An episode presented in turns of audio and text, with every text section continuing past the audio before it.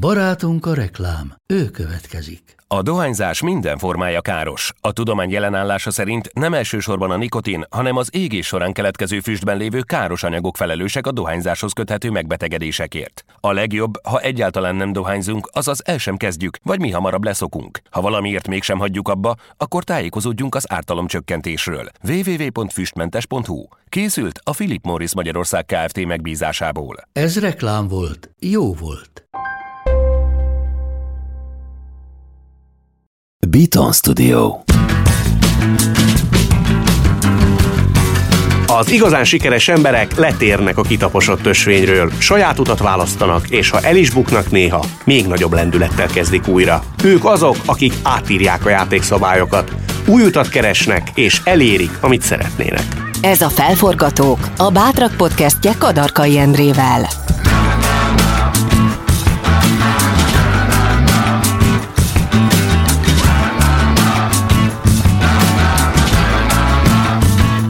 A Felforgatók Podcast olyan magyarok történetét meséli el, akik mertek szembe menni az árral, és sikerre vittek valamit, amiben hittek.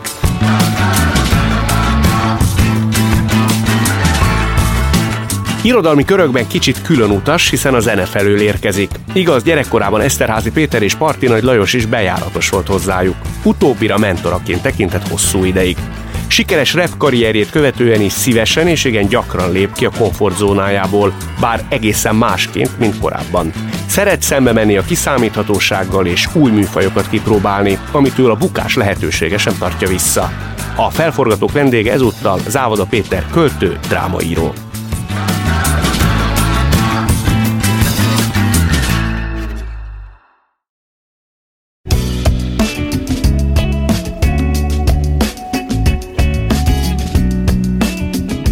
Azt mondtad egy interjúban, hogy te az irodalmi körökön belül kicsit különutasnak számítasz.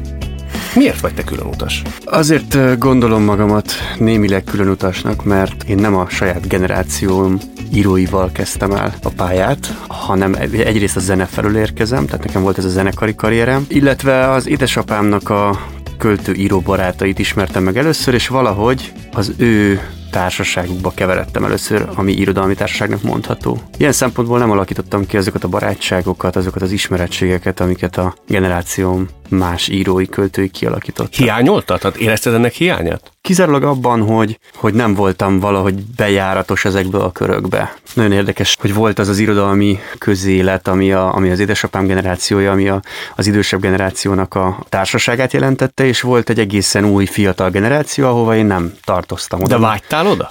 Érdekelt, hogy mik vannak ott, és amikor, amikor először elkezdtem olvasni az ő verseiket, akkor, akkor igenis feltűnt, hogy ez egy teljesen másik világ, de nem törleszkedtem, vagy nem próbáltam meg oda bekerülni, hanem, hanem inkább a perifériáról figyeltem ezt az egészet.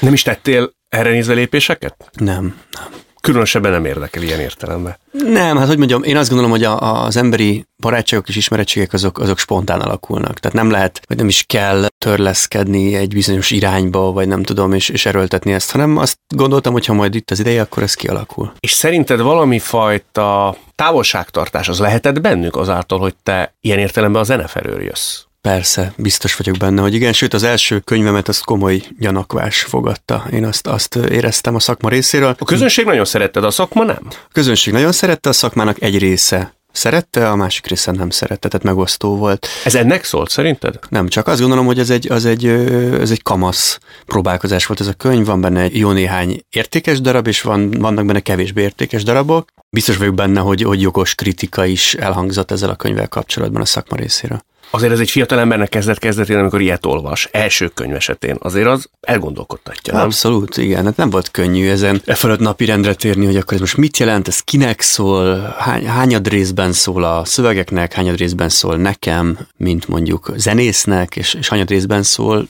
nekem, mint mint Závoda Péternek, aki, aki ugye ettől egy ilyen teljesen független személy vagy személyiség. És mire jutottál? Arra jutottam, hogy ez mind-mind benne van. Tehát egy, egyfelől volt, volt egy, egy nagy megrökönyödés, hogy itt van ez a zenész gyerek, aki, aki viszonylag sikeres abban, amit csinál, miért akar ez még verset is írni. Ott volt az, hogy édesapám író, akkor ez, azt is egy gyanakvás övezte, hogy akkor nekem biztosan tudom, valamilyen protekcióm van. Ott volt az, hogy, hogy ezek a versek, ezek egyébként már akkor is, én úgy emlékszem, és úgy, úgy vettem le a, a kritikai visszhangból nagyon tehetségesnek tűntek, csak még nem voltak készen, nem voltak egészen kiforrottak. Tehát nagyon sok mindennek szólt ez a kritika. Én azt gondolom, hogy ezt viszonylag objektíve sikerült itt szétszálazni. De szerinted van hát aztán persze nem kell rá válaszolnod, ha nem akarsz, egy ilyen hirtelen berobbanó, kívülről jövő irodalmára szemben egyfajta összezárás a mai magyar irodalomban? Tehát az, hogy nem a mi kutyán kölyke a szónak abban az értelmében, hogy máshonnan jön. Nem hiszek az összeesküvés elméletekbe, sőt, még abban sem hiszek, hogy itt valamiféle rendszer lenne ebbe. Egyszerűen azt gondolom, hogy,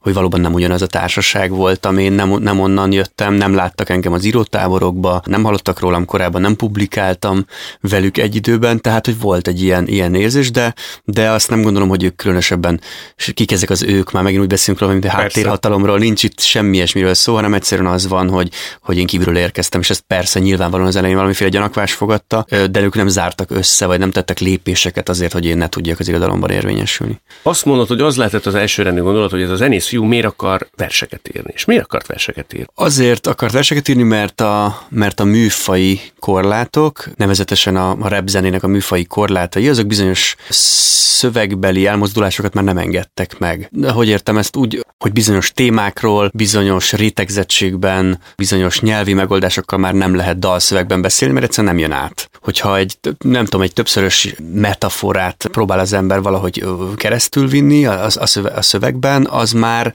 egy dalszövegben már egyszerűen zavaró, nem, nem tud a, a, a hallgató odafigyelni rá, mert egyszerre figyel a zenére, a ritmusra, esetleg a rímekre. Ez is egy nagyon fontos dolog, hogy én ki akartam próbálni, hogy milyen rímek nélkül írni. És ugye a dalszövegek vagy a repszövegek általában rímelnek, tehát hogy ez is hosszú-hosszú éveken át írtam rímeket, és aztán úgy, úgy éreztem, hogy most ki akarom próbálni, hogy mi van, ha nem. Melyik okoz több örömet, vagy több sikert? Vagy olyasfajta elégedettségérzést, amire vágyik egy szerző? Mindkettő egészen más típusú megelégedettséget és sikert jelent.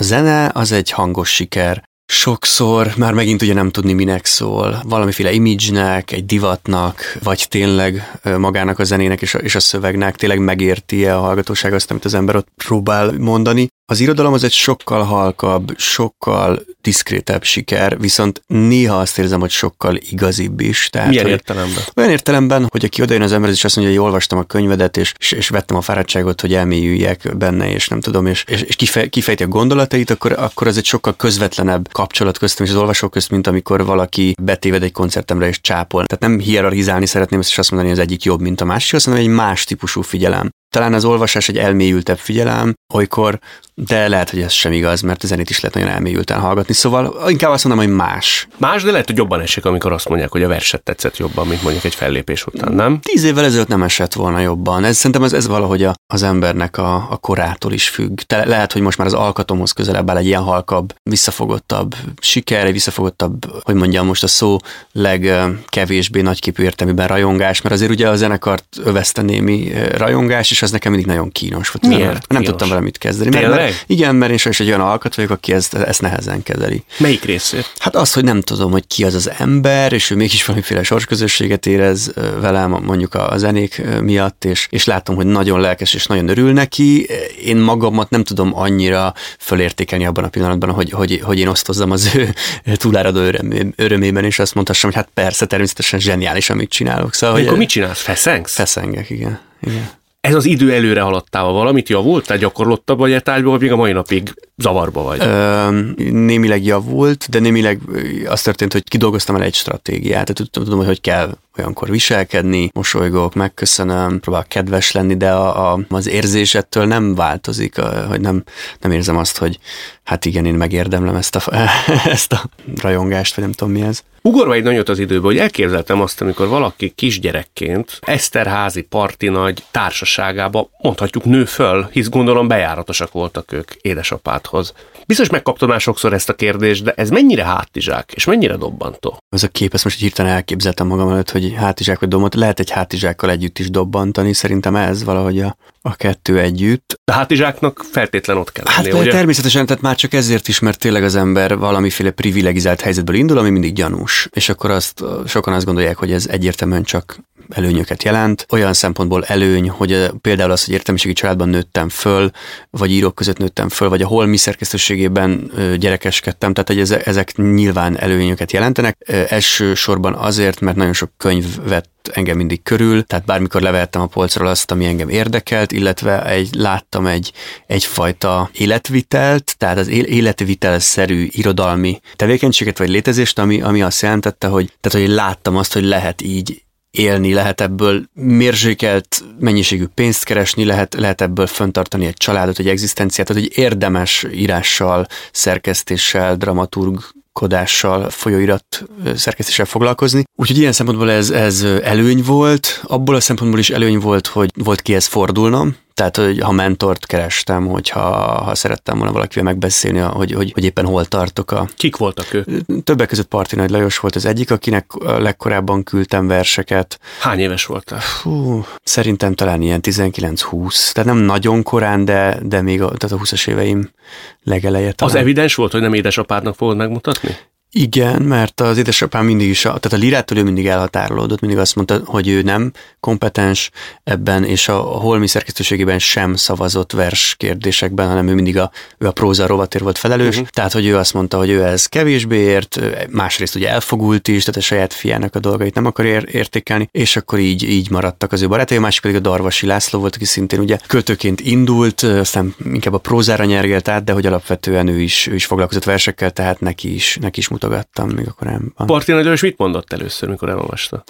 Azt tudom, hogy nagyon, nagyon tetszettek neki, és nagyon tehetségesnek tartott. Egy bizonyos ponton azt mondta, hogy hogy is fogalmazott, hogy most már jobb parti nagy verseket írok, mint ő, úgyhogy most, már, úgyhogy most már kezdjek el arra figyelni, hogy, hogy próbálj meg megtalálni a saját hangomat. Nekem a, a Parti Nagy Lajos nagyon komoly inspirációt jelentett az elején, sőt olyannyira, hogy hát elindultam egy ilyen epigon irányba még uh-huh. a mhm. legelején, de ez tényleg nagyon korán volt. De és ez a, megúszhatatlan, nem Péter? Szerintem megúszhatatlan. Én azt gondolom, hogy tehát az első szárny próbálgatásai, azok mindenkinek valamiféle, hát az ember azt gondolom, hogy utánzás által tanul, tehát hogy valami ki akarja próbálni, hogy akkor ez hogyan kell.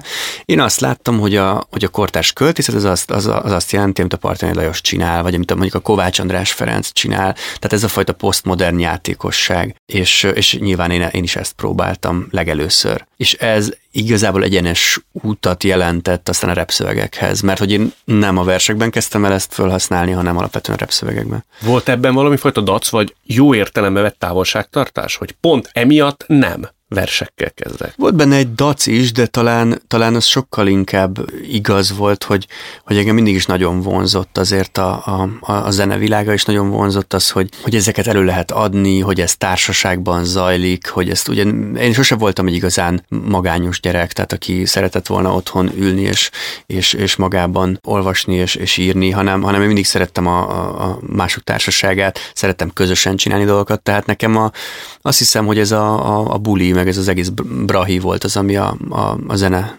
felé terelt. Ez már csak egy ilyen járulékos dolog volt, hogy jó, akkor a versekben most nem így gondolkodunk, mert ez tényleg ezt, tehát ezt a, ezt a partinat csinálja már, meg a nem tudom, Varrodani csinálja már, meg a nem tudom, az erdős virág csinálja már, akkor akkoriban ezek, a, ezek a, az előképeim voltak, de akkor nézzük meg, hogy mondjuk a, a repszövegekben mit lehet ezzel kezdeni. Ugyanakkor most már azt olvasom, hogy édesapád van, hogy például rímötlettel is előáll irányodba. Vagy ez nagyon ritka? Ez egy kedves vicc volt az ő részéről, amit én a Facebookra kitettem, mert, mert úgy éreztem, hogy nagyon, nagyon komikus, és közben nagyon szerethető, hogy ő egyszer csak eszembe jutott egy rím, és megírt nekem. Nálunk a családban azért ez megy, hogy a, van egy ilyen froclizás, meg egy ilyen, egy ilyen hogyha találunk egy, egy abszurd, vicces rímet, akkor azt azért így mondjuk egymásnak, vagy nem tudom, de, de ez nem, a, azért ez nem az elsődleges irodalmi tevékenységünket jelenti, hanem ez inkább tényleg egy ilyen vicc szinten működik. Te fel fogod használni ezt a rímötletét? Nem, hiszem, nem. Egyébként volt, már volt olyan rím, amit, amit a édesapám volt felesége, Nádori Lidia javasolt, és azt egyébként pont bele is írtam az egyik kor, korábbi repszövegbe, tehát hogy volt erre példa. Hmm, de hát ez egész, szóval nagyon érdekes ez a játékosság. Szerintem ez egy, ez egy nagyon fontos dolog, és, és, és tényleg azt érzem, hogy valahogy ugye olyan a közhangulat, meg, a, meg az embereknek alapvetően mostanában a lelkiállapota, nyilván nem véletlenül, hogy, hogy egyre kevésbé engedjük meg magunknak a játékosságot. Szerintem ez egy nagyon fontos dolog, már csak arra, gondolunk, hogy a hétköznapokban ez tényleg tud egy ilyen, nem is tudom, egy ilyen apró örömöt jelenteni, de mm, de egyébként meg a, a hogy mondjam, a komolyan vett szép irodalomban ez mostanában tényleg nem divat, tehát egyre kevésbé divat a, a játékosság. Én magam sem alkalmazom feltétlenül. Volt olyan, ha már itt hátizsákról beszéltünk, amikor lépkedve előre a pályán vagy a ranglétrán bontogatva a szárnyakat, hogy azt érezted magad, hogy bárcsak ne így hívnának? Nem, ez, ez, ez kizárólag a legelején jelentett problémát. Tényleg az első néhány hónapban, amikor azon gondolkoztam, hogy tehát amikor elkezdtem folyiratokban publikálni, hogy akkor milyen néven publikáljak, és akkor volt az első publikációm az álnéven volt, viszont utána egyszerűen csak így eldöntöttem, hogy én már pedig Závada Péter néven fogok publikálni, de nekem ez fárasztó volt, szóval kitalálni egy ilyen alter egót, és akkor ezt fölépíteni, és akkor ezzel így titkolózni, meg publikálni, mm. szóval én rájöttem, hogy engem ez nem érdekel. Tehát, hogy én ezt így bevállalom, és akkor ez történt, és, és viszonylag hamar ezt elfejtettem. Tehát igen, volt ennek egy, volt ezzel egy ilyen kör, hogy akkor milyen protekció, ki, ki hogy vesz komolyan, meg nem tudom, de az első néhány jobb verspublikáció után ez egyszerűen nem számított már. Apukád egyébként mit mondott azért a látva a sikereket? Biztos volt egy leszűrt tapasztalata. Hogy ezt szemérmesen kezelitek? Viszonylag szemelősen kezeljük, de, szoktuk ezekről beszélni, de valahogy ez a névvel kapcsolatban kérdezed? Nem csak a névvel kapcsolatban, hogy általában. általában. Hát általában ugye az első lemezünk, amikor megjelent, azt viszonylagos föntartásokkal fogadta. Miért? Hát mert, mert azért az egy, az egy um, hát hogy mondjam, egyrészt egy olyan szókimondó lemez volt, másrészt olyan, olyan témákat boncolgatott, amik azért egy szülő számára lehet, hogy ijesztőek, éjszakázás, drogok, nem tudom, erőszak, csomó minden volt. Ez azért tényleg egy műfai dolog volt, ott mi, ott mi hoztuk azt, amit az amerikai lemezekről tanultunk és hallottuk. És Gondolom nem tudom, tudatosan. Abszolút tudatosan. Ez egy, egy kicsit egy stílus gyakorlat is volt, egy szerep, de közben voltak benne saját élmények is, tehát ezért nem tagadom, hogy azért akkoriban elég sokat éjszakáztunk mi is, és nagyon sok mindent láttam, inkább megfigyelőként voltam jelen, de, de sok minden tapasztaltam, hasonló dolgokat, és, és akkor ezeket így mind megjelenítettük a lemezen elég hitelesen, és akkor nyilván ez apámnak egy ilyen furcsa fénytörésben mutatta meg az én kamaszkoromat. Egyébként te hogy vagy az akkori szövegekkel, hogyha azokat visszahallgatod, vagy újraolvasod? Mert azért, hogy mondjam, a mai fejeddel lehet, hogy azok egy kicsit erősek, szóval más fénytörésbe tűnhetnek, igen, nem? Igen, igen. Erőstek nem gondolom őket. Én tényleg azt gondolom, hogy minden műfajnak megvan a maga stiláris, tudom én, kódja, elvárás horizontja. Ugye meg, megvan az, hogy, hogy, hogy, hogy milyen céllal és kinek születnek ezek a szövegek, és hogy én nem gondolom, hogy azok erősek lettek, hanem azt gondolom, hogy azok, azok pont olyanok, amilyeneknek lenniük kellett, az biztos, hogy nagyon más világ volt akkoriban, és sokkal több dolgot ki lehetett mondani viccből, mondjuk, mint manapság. Tehát most manapság kevesebb ilyen dologgal lehet viccelni. Ti mérlegeltetek akkor bármi ilyesmit? Nem, nem, nem, nem. És ez egy nagyon felszabadult időszak volt ilyen szempontból, hogy, hogy tényleg azt éreztük, hogy bármit lehet mondani. Igen. Neked van valami egészen mágikus vonzalmad a szavakhoz, ugye? Hát remélem, igen. Elég nagy baj lenne, nem lenne. De úgy értem, hogy igen, ez lehet, hogy közhelyes kifejezés, hogy ez a legfőbb kifejezési formád, de azt hallottam, hogy amikor elolvasol mondjuk egy hírt, tulajdonképpen a szavakat veszed Isten igazából észre, és nem is annyira feltétlen a hírt. Tehát, hogy látsz egy jó kifejezést, mondjuk a pozícióvakság, tudomásom szerint mm-hmm. az mhm. mostanság egy kedvenced, és ha elolvastál egy hírt, ez ragad meg. Azért ez egy elég messzire vezető gondolkodásmódnak a párlata, nem? Igen, igen, igen, hát hogy messzire vezet, az tény csak, hogy hova, azt nem tudjuk. Sokszor ez egy ilyen öncélú dologgá is tud válni, mert, mert azért nyilván egy hírben nem biztos, hogy ez a legfontosabb. De neked így van, ugye? Tehát ne, azért, nem csak, nem, nem, csak? nem azért, azért értem.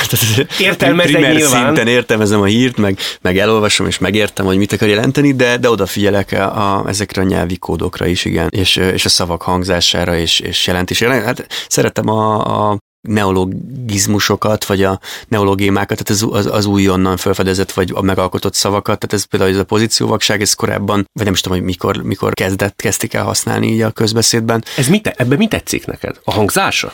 Hát meg, hogy létrejön egy új fogalom. Tehát ez az érdekes, hogy egyrészt szerintem jól hangzik, másrészt, hogy ha, ha, ha megalkotunk egy szót, annak, annak létrejön a jelentése így, is egy társadalmi kontextusban, és onnantól fogva ez a szó létezik, onnantól fogva erre oda lehet figyelni.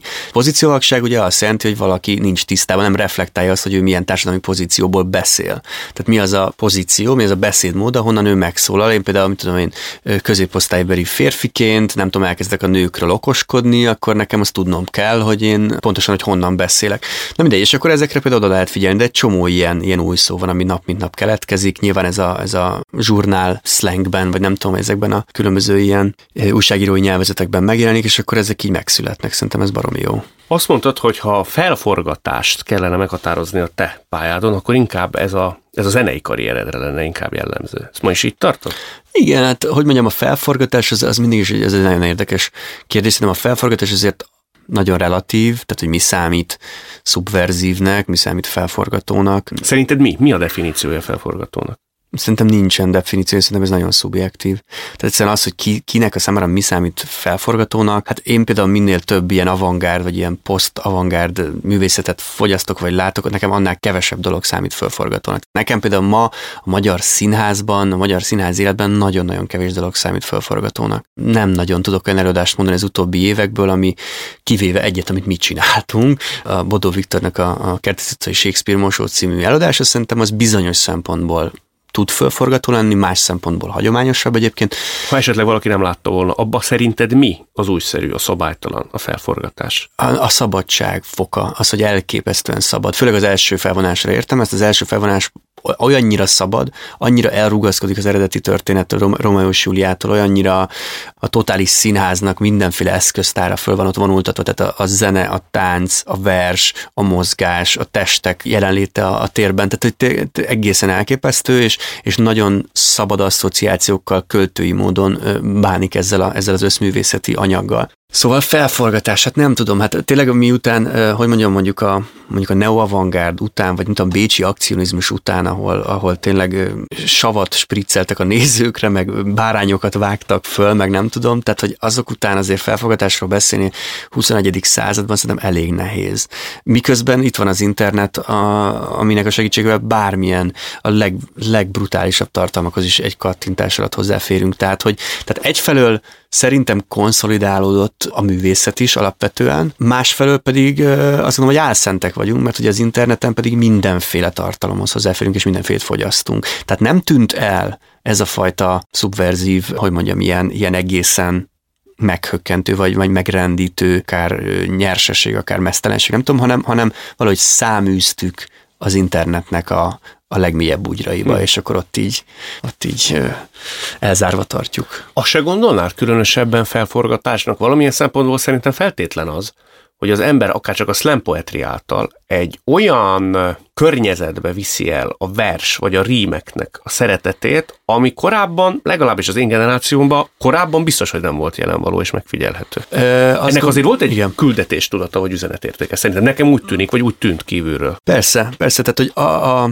másodperc csak visszakanyarodva a zenéhez, tehát az, hogy mi Magyarországra behoztunk egy, vagy azt gondolom, hogy valamennyire sikerült meghonosítani egy ilyen nagyon erősen szövegalapú egyszerre intellektuális, mégis valahogy zsigeri és nyers repzenét, az, az egy felfor, talán egy felforgató mm, értékű gesztus lehetett. Aztán az, hogy megpróbáltuk a, a slam poetry-vel valóban a, a, a költészetnek, meg a, meg, a, meg a szövegeknek a szeretetét olyan terekbe és olyan közösségekbe elvinni, ahol korábban ez, ez nem volt jellemző, az is talán egy valamiféle, hát nem is felforgatásnak, de egy ilyen, egy ilyen erőteljes gesztusnak nevezhető. Ez fontos, mert talán a slam a, a, az igazi, hogy is mondjam, értéke vagy, vagy hozadéka az az volt, hogy tényleg elkezdtek fiatalok egyrészt szövegeket olvasni és beszélni róluk, másrészt valamelyest elkezdtek aktuális politikai és társadalmi kérésekkel foglalkozni. Mind a kettő cél volt?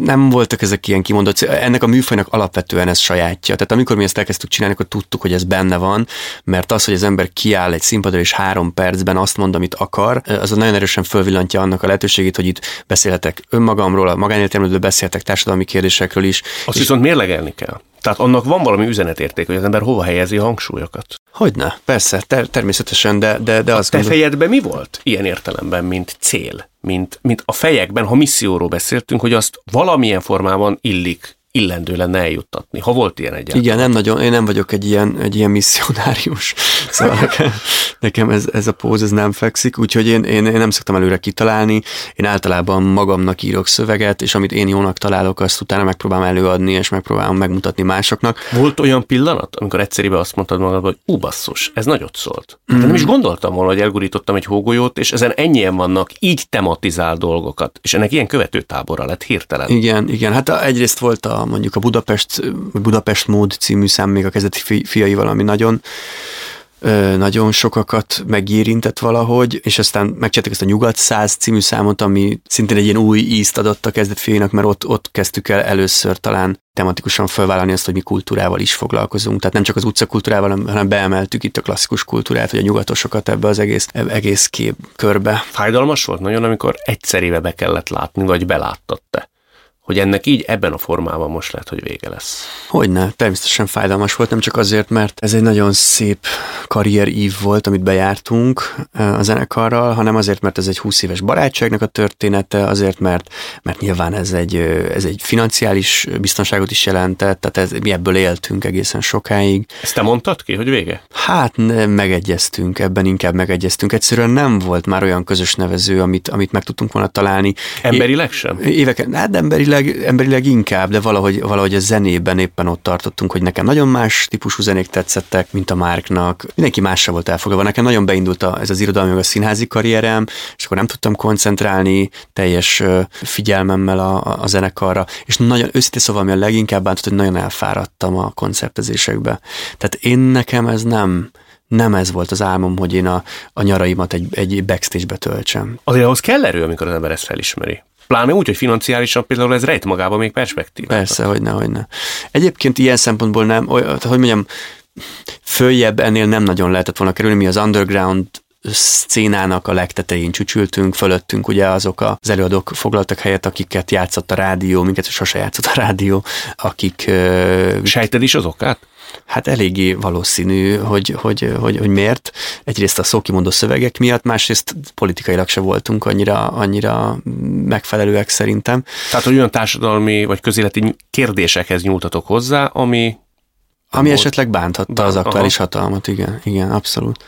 Tehát nem voltunk rádiókompatibilisek ilyen szempontból. Tehát nem nagyon lehetett volna szerintem ennél sokkal több koncertünk, vagy pénzünk, vagy nem tudom, bármi ebből az egészből. Ahhoz, ahhoz szintet kellett volna lépni, az be kellett volna menni a tévébe, a rádióba, el kellett volna menni ilyen tehetségkutatókba, zsűrizni. Tehát a, a, Hívtak is? A, volt rá példa, igen, én mind, mind, mindig mindent visszautasítottunk. Én nem bírom elviselni a saját arcomat kamerán.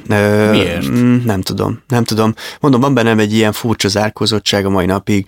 Én a koncerteket is nem, nem úgy éltem meg, mint hogy én, tehát nem láttam magamat kívülről, hanem én volt, hogy becsuktam a szememet, és úgy mondtam a szöveget, volt, tehát én egyfajta ilyen, nem is tudom, furcsa szeánszként éltem meg ezeket, de nem úgy, mint egy, mint, egy, mint az én saját testemnek, vagy a saját szerepemnek a színre vitele, ami, tehát egy ilyen szempontból ez nem működött nálam. Csak annyit árulja, soha nem volt olyan, hogy az általunk ismert Závada Péter egyszer is mondjuk elcsábult volna a picit felszínesebb a korábbiakhoz képest, hogy a könnyebb ellenállás irányába menő Péter felé. Hát dehogy nem, hát csak én ezt szeretem átkeretezni, én szeretem azt mondani, hogy, hogy és ebben is van igazság, hogy tényleg szeretek kilépni a komfortzónámból olyan szempontból, hogy, hogy olyan műfajokat kipróbálják, amiket korábban nem. De abban mi a jó?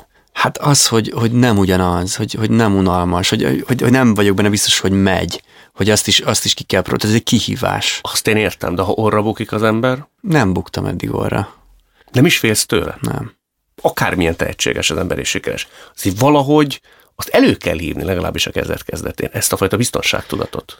Nem, őszintén szóval az az őszintesség, ami megvan bennem, vagy az alázat, ami megvan bennem az iránt, a munka iránt, amit éppen csinálok, az nekem félig meddig garantálja azt, hogy, hogy még hogyha el is bukunk, mert volt olyan előadás, ami nem sikerült olyan jól, mégis csak garantálja azt, hogy én magam, vagy szembe tudok nézni saját magammal a tükörbe, és azt tudom mondani, hogy, hogy, hogy én ezt őszintén megpróbáltam. És hogy mindent beletettél. Így van. Tehát, hogy az, hogy, az, hogy ez sikeres lesz, vagy hogy ez művészileg milyen értéket képvisel, arra soha nincsen garant garancia. De szerintem nem ez a lényeg. Tehát nem mindig a, a a, végeredmény a lényeg, hanem az, a, tehát hogy az ember dolgozik, a munka maga, az, hogy megismer embereket, az, hogy kipróbálja magát más műfajokban. Hát például sokan fölkapták szerintem a fejüket, amikor te az operetbe igen, kipróbáltad. Igen, igen, hát én ezt, én ezt nagyon imádtam, mert azt gondoltam, tehát egy kicsit van bennem egy ilyen megbotránkoztatás is, tehát én nagyon szeretem azt, amikor emberek elkezdenek hőzöngeni, és jobban akarják tudni, hogy nekem mi a jó, mint, mint én, én magam. Te ezt miért élvezed? Nem tudom, mert szeretem provokálni egy kicsit a, a, a közönségemet. Én, én nem szeretem azt, amikor el tudnak nagyon helyezni, hogy akkor na hát ez ezt csinálja,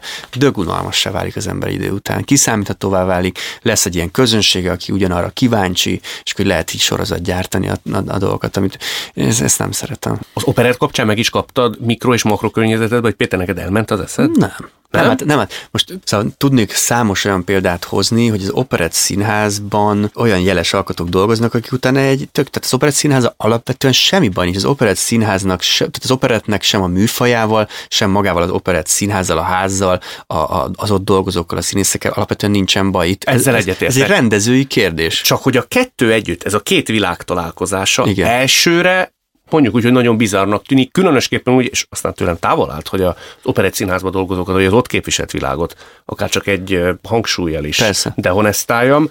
No, de azért, hogy mondjam, szerintem ahonnan te jössz, vagy ez az underground világ, azért nem feltétlenül Oszwald Marikára jár koncertekre, vagy fellépésekre. Persze, persze. Nekem erre van például egy nagyon érdekes, vagy én azt gondolom, hogy egy nagyon érdekes megközelítésem, hogy, hogy annyira vicces, hogy a mondjuk ilyen, hogyha az ember mondjuk demokratának, vagy tudom, baloldalinak vallja magát olyan szempontból, hogy nagyon fontos neki az, hogy a, a kevésbé tehetős társadalmi rétegek mondjuk hogyan szórakoznak, milyen kultúrát fogyasztanak, akkor, akkor kénytelen számot vetni azzal, hogy nem csak az underground rappet hallgatják mondjuk a munkásosztálynak a, a gyerekei, hanem mondjuk a szüleik járnak az operett színházba. Tehát, hogy én biztos vagyok benne, hogy nem néznék le semmilyen olyan műfajt, ami populáris műfaj, mert azt gondolom, hogy én szociálisan érzékeny emberként számot kell vetnem azzal, hogy ez egy igenis egy populáris műfaj, és ezt nagyon sokan szeretik. Tehát a Hajmási Péter Hajmási pára, hogyha én kiköpök, akkor az azt jelenti, hogy én lenézem azokat az embereket, akik ezt szeretik. Már pedig én nem nézem le ezeket az embereket, hanem azt gondolom, hogy ez, ez, a, ez a kultúráknak, főleg az operett, ugye ez egy nagyon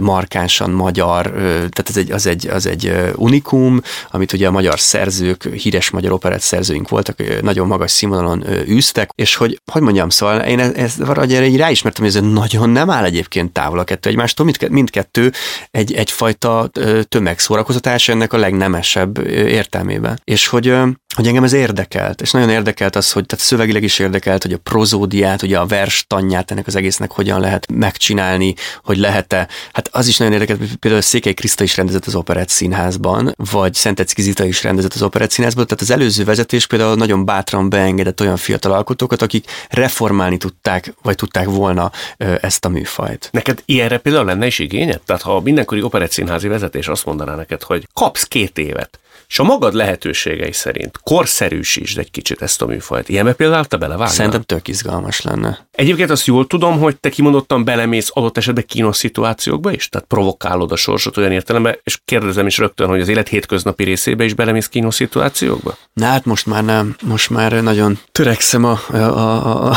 nyugalomra és a kiegyensúlyozottságra. Korábban volt erre példa persze, tehát tényleg amikor mondjuk még zenekarunk volt, és akkor sokat jártunk az éjszakába, ott, ott voltak erre példák, hogy mit tudom, nem hagytam megmutattam magam, vagy beszóltak, és akkor én próbáltam magam meg. Nagyon büszke gyerek voltam, és akkor így voltak ilyen, ilyen helyzetek. Mondom, inkább művészileg jellemző ez rám, tehát esztétikailag így mindig megkérdőlezem az, azokat a bejáratott, megszilárdult esztétikai normákat, vagy, vagy, vagy, vagy kódrendszereket, amiket, amiket így elfogadunk, így nem tudom, így össz, össz, össztársadalmi, vagy össz, összművészetileg azt mondjuk rá, hogy na hát ez a jó színház, vagy ez, ez, ez, a, vagy ez egy jó rendező, vagy ez a fajta, ez a beszédmód, vagy ez a fajta játékmód, vagy játékhagyomány az, amit mi szeretünk. És akkor az mi múlik, Péter, hogy pontosan mit kérdőjelezel meg?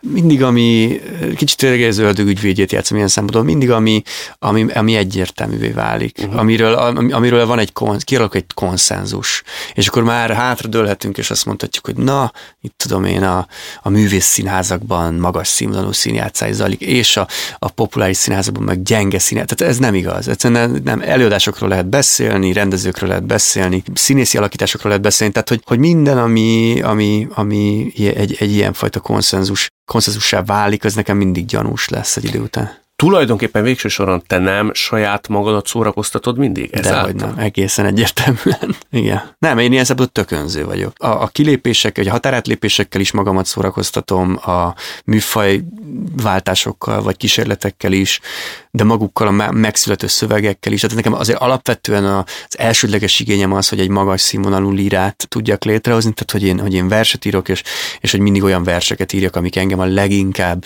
kielégítenek, vagy, vagy adott esetben szórakoztatnak, vagy meg, megmozgatnak. És amikor ez megvan, ugye a másik az a dráma, hogy én, én nagyon fontos nekem, hogy írjak saját drámát. Ez a két dolog, hogyha meg tudom írni a saját versenyemet, és meg tudom írni a saját drámámat az én saját ízlésem szerint, akkor onnantól fogva bármi izgat és érdekel. Tehát, hogy nem, nem korlátozom magam ezekre a, ezekre a, akár csak az ízlésvilágra sem hanem, hanem szeretek nyitni, szeretek új dolgokat kipróbálni. Egyébként megnézve azt, hogy irodalmárokat, korosztálybélieket, mennyien követnek a különböző social felületeken, hát a tiéd egészen kiugró. Ebben nyilván benne van ez a fajta zenei Így van, sztárság persze, is. zenekar is.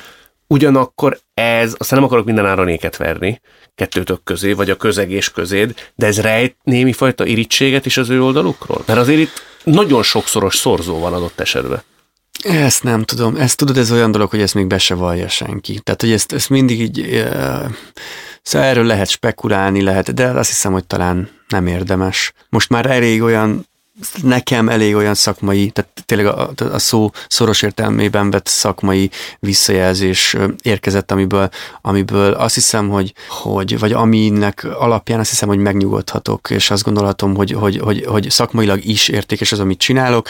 Az, hogy ezt hányan követik, az egy, az egy hihetetlen kiváltság és egy nagy szerencse. Tehát, Meg felelősség is, nem? Tehát azon gondolkodtam, hogy amikor az ember a szóhasználatért valamilyen szinten felel egy generáción belül. Igen. Azért, és a mondani valójára odafigyelnek. Tehát tematizál adott esetben közéleti ügyeket is. Egy szubkultúrán belül feltétlen. Azért azon el kell gondolkodnia mindenkinek, hogy ez egy felelősség. Persze, ezt az elején nagyon hárítottuk, tehát addig például, amikor a, a zenekart csináltuk, akkor, akkor ezt totálisan hárítottuk magunktól ezt a, ezt a felelősséget, és azt gondoltuk, hogy tényleg bármit mondhatunk, és bármit tehetünk.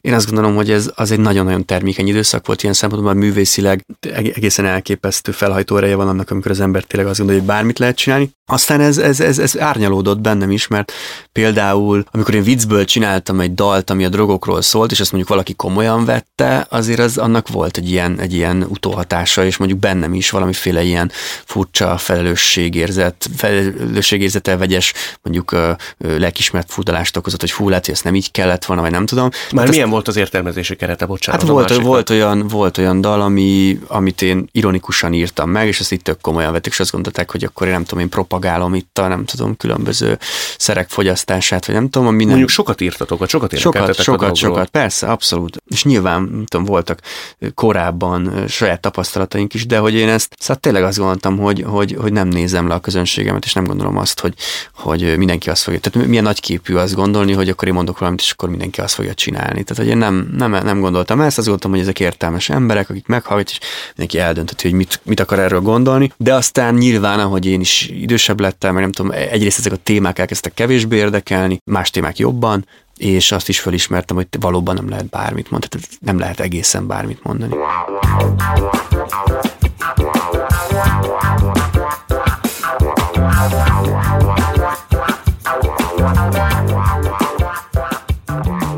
Záoda Péter érezhetően menekül az unalom elől.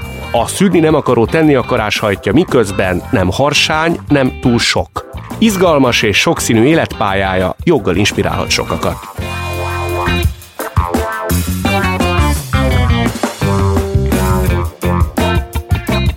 Ha tetszett a felforgatók, iratkozz fel a műsorra, értékelj minket öt csillaggal, és mesélj rólunk másoknak is. Ha érdekel, hogyan készül a műsor, és nem akarsz lemaradni az újdonságokról, kövess minket a Felforgatók Facebook oldalán és az Instagramon. A műsor szerkesztője Regényi Eszter és Zsille Sára, a felvétel vezető Dósa Márton, a zenei és utómunka szerkesztő Szücs Dániel, a gyártásvezető Gröger a kreatív producer Román Balázs, a producer pedig Hampuk Richard volt. Kadarkai Endre vagyok, legyetek felforgatók, ti is!